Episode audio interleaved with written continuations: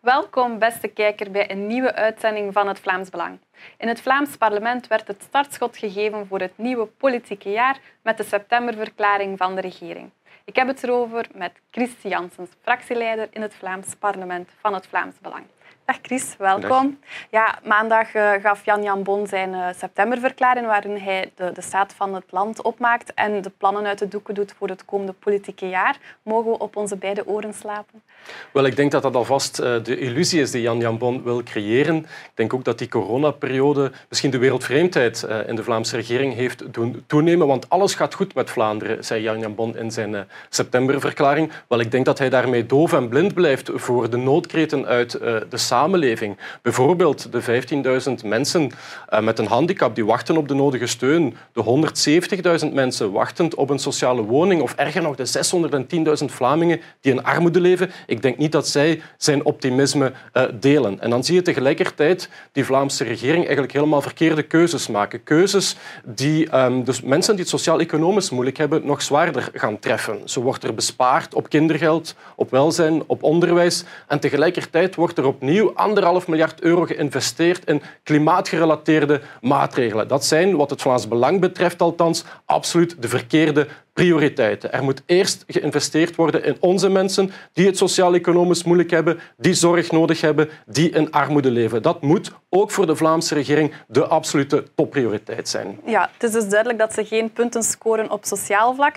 Scoren ze dan wel punten op, op andere vlakken? Wel, ik zie eigenlijk weinig uh, lichtpunten. Denk bijvoorbeeld ook aan de energiefactuur, die een tweede belastingbrief is geworden. Die energieprijzen die swingen echt uh, de pan uit. En de Vlaamse regering, en Jan Jan Bon zegt daar in zijn septemberverklaring eigenlijk helemaal niks over. Terwijl de energiearmoede echt aan het toenemen is en die Vlaamse regering ook wel maatregelen kan nemen om de prijzen te doen dalen. Want slechts zo'n 30 procent van de energiefactuur gaat effectief over energie. Al de rest zijn belastingen en heffingen. En daarom heb ik ook gisteren in het Vlaams parlement voorgesteld om alle taxen die niks met de energie te maken hebben, om die uit de factuur te halen, zodat de prijzen voor de mensen voor elektriciteit en gas veel minder duur zullen zijn. Maar Jan Bon heeft ook aangekondigd bijvoorbeeld dat hij 900 miljoen euro gaat uh, besparen. Maar helaas doet hij dat op onze eigen mensen en niet op allochtonen.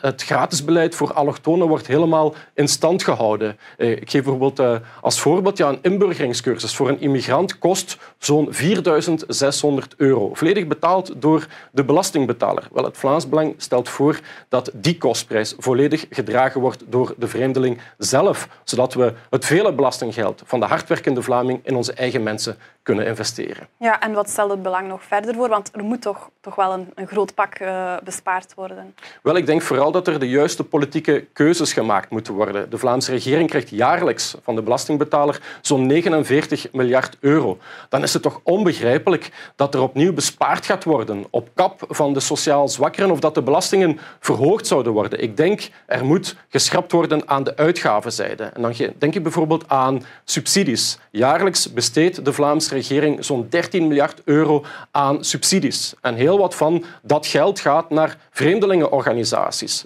Turkse verenigingen, Marokkaanse verenigingen, Afrikaanse verenigingen, verenigingen voor moslims en ook naar heel wat linkse hobbyclubjes. Ik denk daar kan en moet in gesneden worden. Daar kan en moet op bespaard worden, zodat wij het belastinggeld van de Vlamingen maximaal kunnen investeren in onze eigen mensen. Oké, okay, dankjewel eh, voor je komst naar de studio, Chris. En heel veel succes in het komende politiek jaar. Ik, hoop dat je er, ik hoor dat je er heel veel eh, zin in hebt. Absoluut, dankjewel.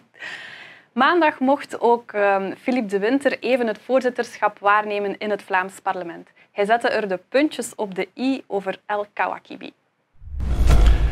Vlaams parlementslid Siam El Kawakibi blijft voorlopig afwezig uit het parlement wegens ziekte.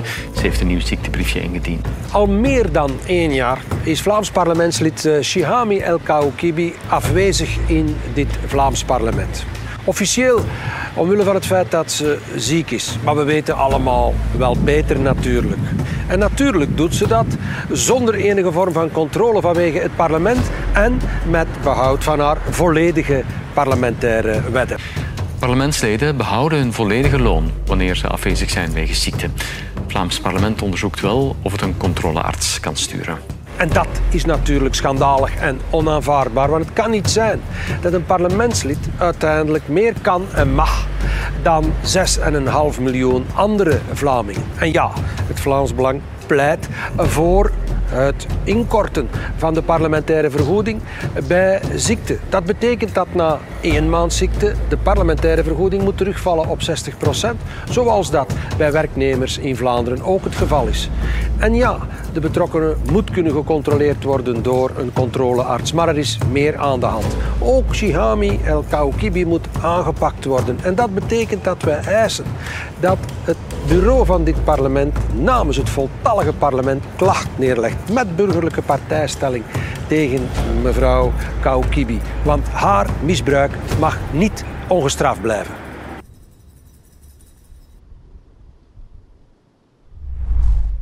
Mede dankzij de politieke druk van het Vlaams Belang zal El Kawakibi in de toekomst niet meer kunnen rekenen op haar volledige parlementaire vergoeding. Maar dat is natuurlijk nog niet genoeg, want het Vlaams Belang vraagt ook nog haar ontslag.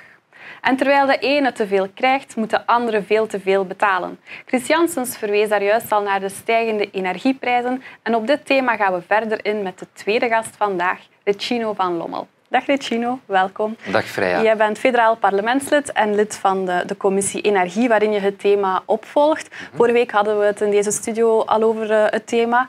Uh, maar we blijven berichten binnenkrijgen van mensen die aangeven dat ze hun gas- en elektriciteitsfactuur niet meer kunnen betalen. Een groot deel van die factuur zijn taxen en heffingen. Kan je nog eens ja, toelichten wat, wat het juist allemaal is? Ja, dus het is inderdaad zo dat uh, hoe langer hoe meer berichten binnencijpelen, dat uh, gezinnen 1000 tot 1500 euro bovenop hun uh, eindfactuur moeten bijbetalen als het gaat om gas en elektriciteit. En we hebben afgelopen week ook vastgesteld dat de gasprijzen alweer met 10% zullen stijgen. En men voorspelt zelfs dat volgend jaar een modaal gezin 1000 euro extra zal moeten betalen voor elektriciteit.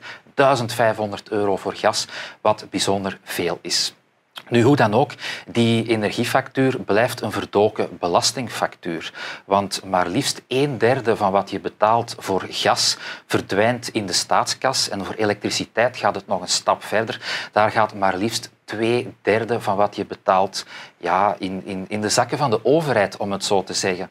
En um, dat gaat onder meer naar excessen uit het verleden. De putten die zijn geslagen door onder meer de groene stroomcertificaten, waar tot op vandaag ja, alle gezinnen voor moeten bijdragen. Het gaat over een gat van 20 miljard euro bijvoorbeeld.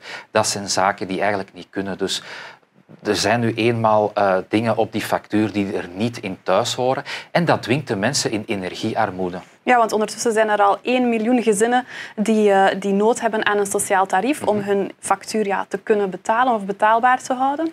Mhm. Ja, en uh, men gaat wellicht die regeling ook verlengen voor volgend jaar. Um, ik denk dat dat absoluut nodig is, maar dat is toch wel een teken aan de wand. Wanneer 1 miljoen gezinnen moeten genieten van het sociaal tarief, dan is er grondig iets mis met die uh, energiefactuur. En dan weten we dat dit gewoon op lange termijn een onhoudbare situatie gaat worden. Hoe dat je dat um, uiteindelijk ook draait en keert. En weet je wat vooral het absurde is aan heel het verhaal? Men maakt van die energiefactuur een belastingsfactuur. Men duwt uiteindelijk die mensen in de energiearmoede. En men gaat dan een sociaal tarief toekennen maar op het einde van de rit wordt die sociale tarieven worden die gefinancierd met de heffingen die op de energiefactuur staan. Dus kunnen we alleen maar concluderen dat in de toekomst die energiefactuur enkel en alleen nog verder zal toenemen. Dus ja, ik denk dat er structurele oplossingen nodig zijn om uh, het hoofd te bieden aan die problematiek. Ja, want wat stelt het Vlaams Belang dan voor om de factuur naar beneden te krijgen? Wel, kijk, het Vlaams Belang wil die mensen zeker en vast niet in de kou laten staan. En daarom heb ik voor u een aantal uh, voorstellen meegebracht. Uh, zoals u weet, in eerste instantie blijven wij ervoor pleiten om een btw-verlaging te realiseren op energie van 21 naar 6 procent. Ehm, ik wil trouwens in die marge vermelden dat het de vorige regering Michel was, samen met N-VA, die de BTW verhoogd hebben van 6 naar 21 procent, terwijl we nu zien dat minister Zoual Dimir de bocht aan het maken is richting de omgekeerde beweging. Energie is nu eenmaal een basisrecht, is geen luxegoed. Mensen moeten daarmee zich kunnen verwarmen, koken, strijken en dergelijke. Een tweede voorstel um, dat ik graag zou willen aanstippen is dat er jaarlijks toch wel heel wat winsten worden afgeroomd uit de productie van kernenergie en dat wij ook verwachten dat die inkomsten, die afroming van die winsten, dat die integraal gebruikt worden om de energiefactuur te laten dalen. Een derde voorstel is dat um, ja, al wat niet op die energiefactuur thuis hoort, ja, dat die ook wordt geëlimineerd. En die, in die moeten wij streven naar een maximaal percentage aan taxen, heffingen en dergelijke dat uh, deel mag uitmaken van de totale kostprijs. En tot slot um, denk ik dat er ook een mechanisme in het leven moet geroepen worden dat wanneer energie duurder wordt, dat er automatisch ja, een bijpassing gebeurt in taxen, heffingen en dergelijke in de omgekeerde beweging, waardoor in globaliteit die energiefactuur min of meer gelijk blijft. En ik denk dat met deze vier voorstellen wij kunnen streven naar een betaalbare energiefactuur. Oké, okay, dankjewel voor je toelichting, Ricino. Graag gedaan. Zo, beste kijker, wij zijn aan het einde gekomen van deze uitzending. Graag tot een volgende keer.